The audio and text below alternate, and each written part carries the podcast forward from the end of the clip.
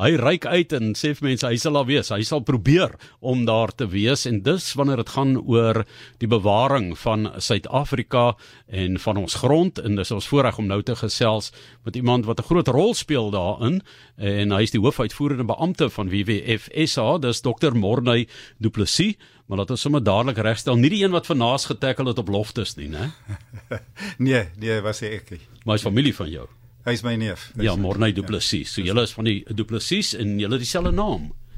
Ja, my uh my oom uh die die die broer van ehm um, van my pa, die oudste oom was Morney geweest. Uh my neef Morney se pa was Felix en my pa was AS en daai drie broers het Ja, baie daar's baie Morneys in ons familie. Ja, maar ehm um, Felix was natuurlik die Springbok kaptein en Morney ook Springbok kaptein en is ja. dink tog tot dusver die enigste pa en seun kombinasie as ek reg uh, kan onthou. Maar Morney, jy het ehm um, jy het ook 'n liefde vir sport, jy het dit ook gevolg en en en jy weet is nie dat jy heeltemal los staan daarvan nie, maar ons ken jou as iemand wat 'n intense liefde het vir die wêreld, die omgewing, die bewaring daarvan maar jy het 'n baie interessante manier hoe jy dit doen. Hoe het jy daarin eh, beland en jou belangstelling in in grond en die herwinning daarvan en die habitatbeskerming? Ja, kyk, uh my my belangstelling het van kleins af begin uh wat ek ontsettend begin belangstel het en voels dit kom miskien van my ouma se kant af. Uh my ouers het dit uh bevorder en aangepoor. Uh so jy weet so ek is 'n ek is 'n 'n 'n nature nut soos hulle sê. En ehm um, dit het nou deesdae is meer in die rigting van orgidee en so aan.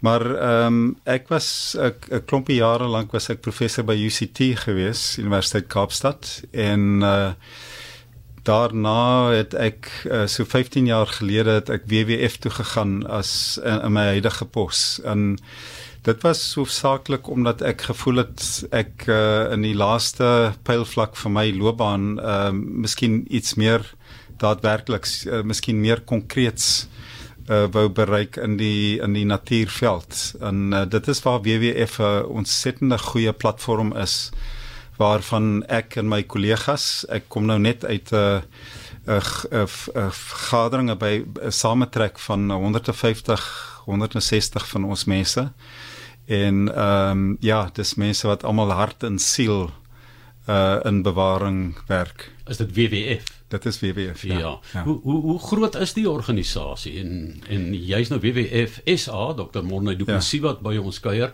uh, maar hoe groot is dit in die wêreld? Kyk, uh dit is die uh grootste omgewings uh organisasie. Ehm um, WWF is is uh, teenwoordig in oor 100 lande dwars oor die wêreld. Hier in Suid-Afrika het Dr. Anton Rupert natuurlik was ons stigter in 1968 waar WWF internasionaal in 1960 gestig is. So ons was een van die eerste kantore of of uh ehm um, takke En hier in Suid-Afrika uh, samel ons ons eie geld in. Ons is finansiëel onafhanklik. Ons het ons eie direksie. So jy kan amper sê ons is 'n tipe van 'n franchise van die WWF internasionaal. Nou um, ons het vroeër verwys 1 Maart 1994 het Suid-Afrika na 84 jaar se bewind Walvis Bay aan Namibië gegee. Ehm um, onderhandelinge in die ou bedeling uh, was baie moeilik wat die buurlande betref want daar was 'n later toenemende aggressie gewees. Ek meen ons het gegrensoorlog gevoer maar ehm um, toe kom die oorgrensparke waar ek weet ehm um, Dr Rupert Anton Rupert ook 'n groot rol ingespeel het. So die tye het verander grense het verander dinge het uh, verander. Is julle ook ingestel op Suidelike Afrika eerder net as Suid-Afrika? Ja, so ons is WWF Suid-Afrika. Ons ondersteun ons kantore in Zimbabwe en Mosambiek en Namibië en in Zambië en iewers in ander Afrika lande. Uh ons nie direkte beheer oor hulle nie. So dit is 'n 'n medewerkingsooreenkoms. Ek het baie gereelde gesprekke met my met my eweknee die hoofde van daardie lande se WWF kantore. Die Vredesparke waarvan jy praat het oorspronklik begin in WWF Suid-Afrika as 'n projek. En dit het op 'n stadium gekom waar dit moes internasionaal geld insamel want dit het jy weet ordentlike harde uh valuta nodig gehad, harde harde currency. En ehm um, dit is waar Dr Rupert toe uh, besluit het om die WWF se hoofbestuurder uit te skuif. Dit was Dr John Hanks om Vredesparke Peace Parks Foundation te stig.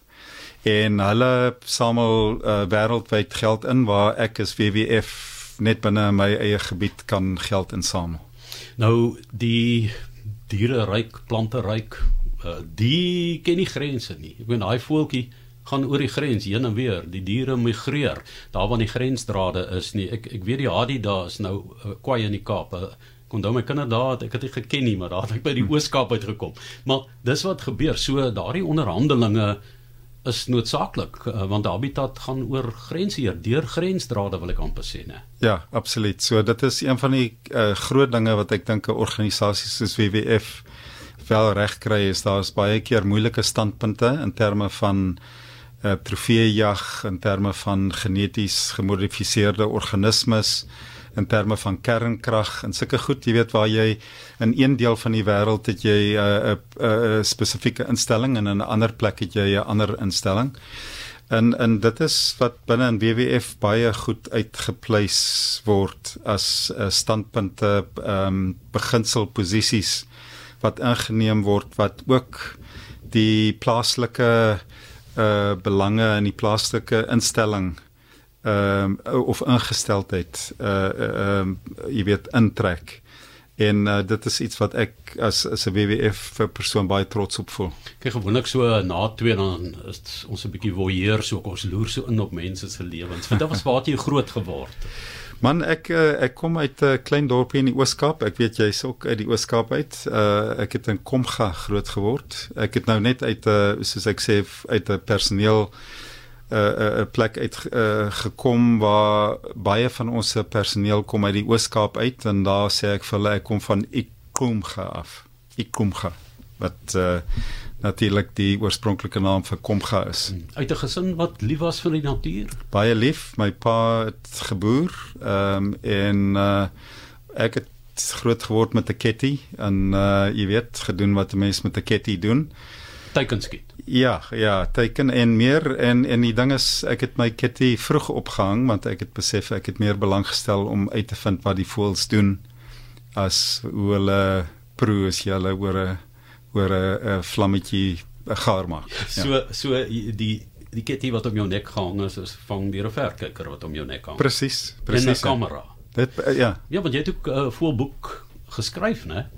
Ja, daar's twee uh, ek het vir die burger lank 'n uh, rubriek geskryf vir 'n uh, dekade of 2 en van daai saamgestel eers in penvere wat 'n Protea boekhuis 'n uh, produk was en toe het um, NB uitgewers 'n tweede boek Pronkvere uitgegee.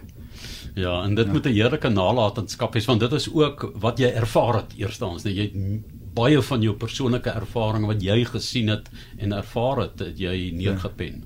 Ja, ja, ek dink ek het in die begin uh ek het 'n neef gehad, Fritz Huber wat uh uh redakteur van die Burger was en toe ek Kaap toe trek uit uh, KwaZulu-Natal uit toe het hy vir my gesê wie jy nie vir ons 'n rubriek skryf nie.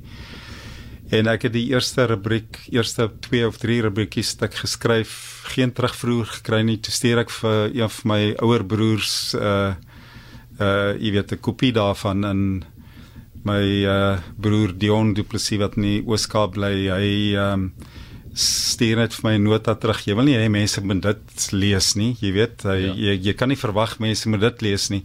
En toe het ek besluit om uit die van die hart af te skryf eerder as om net feite te probeer oordra mense in kennis. Ja. En ek dink dit is die ding waar ons elkeen ietsie van onsself in die natuur kan herken. En uh, dit is dit is vir my die belangrike ding. Ja. Ja, ons moet vir jou sê ons familie kom maar van die SWD af, Heidelberg se kant af en so en ek was daarom rukkie in Parow Oos. dit is my Ooskaap gewees. Maar ehm um, Monday uh, die belangrikheid van omgewingsbewaring. As jy mens gaan kyk na die geweldige druk in die wêreld op voedselverskaffing, uh, behuising, onderwys, al hierdie goed. Ons het nie genoeg krag byvoorbeeld nie.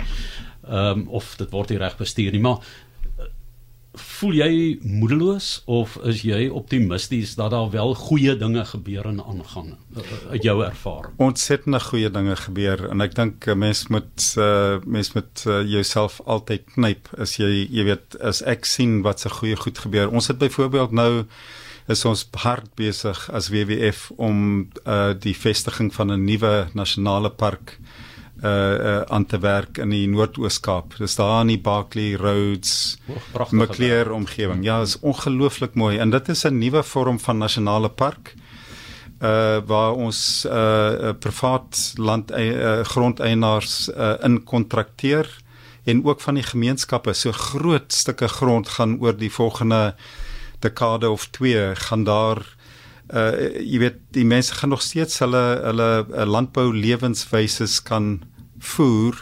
Dis nie 'n park wat jy draad omspan en dan groot wild insit nie. Dit is 'n dis 'n botaniese en landskapspark. En dis van die goed wat my ontsettend opgewonde maak want ons maak ontsettende goeie vordering daar. En jy weet ek sê altyd vir mense praat meer met mense wat so min soos jy dink. Met ander woorde, moenie altyd net met dieselfde ouens oor dieselfde glas wyn of jy weet in dieselfde milieu oor en oor dieselfde goed praat nie want mense het die geneigtheid om jouself af te trek om altyd op die negatiewe goed te fokus. En as jy hoor uit iemand anders wat heeltemal verskillend is van jou net oor hulle positiewe ingesteldheid en en en en, wat uh, mense van hulle kan leer dan uh, lyk die glas sommer 3 kwart vol. Moet jy die glas verander of moet jy die mense om die glas verander? Dis die mense om die glas, ja. ek wil vir jou dankie ja. sê dat jy net vinnig by ons kom inloer het en so heerlik om met jou te gesels want met te lees van julle projek dan kom die naam Dr. Morney Du Plessis wat hierdie geweldige taak het met die span mense wat ook saam met hom werk se naam gereeld op en 'n mens um, lees daarvan en uh, dit is altyd 'n voorreg om lekker te kan gesels met die hoofuitvoerende beampte van uh, WWF SA Dr. Morne Du Plessis wat by ons kom kuier het in 'n uh, tydjie in sy besige dagboek afgestaan want ek weet julle is ongelooflik besig. Ek met die rook draai partykeer by julle ore uit soos julle reis en moet onderhandel en moet praat en die hele tyd nuwe moontlikhede skep en uh, ontgin. So baie dankie daarvoor en sterkte met die werk vorentoe. Groot plesier en dankie vir jou belangstelling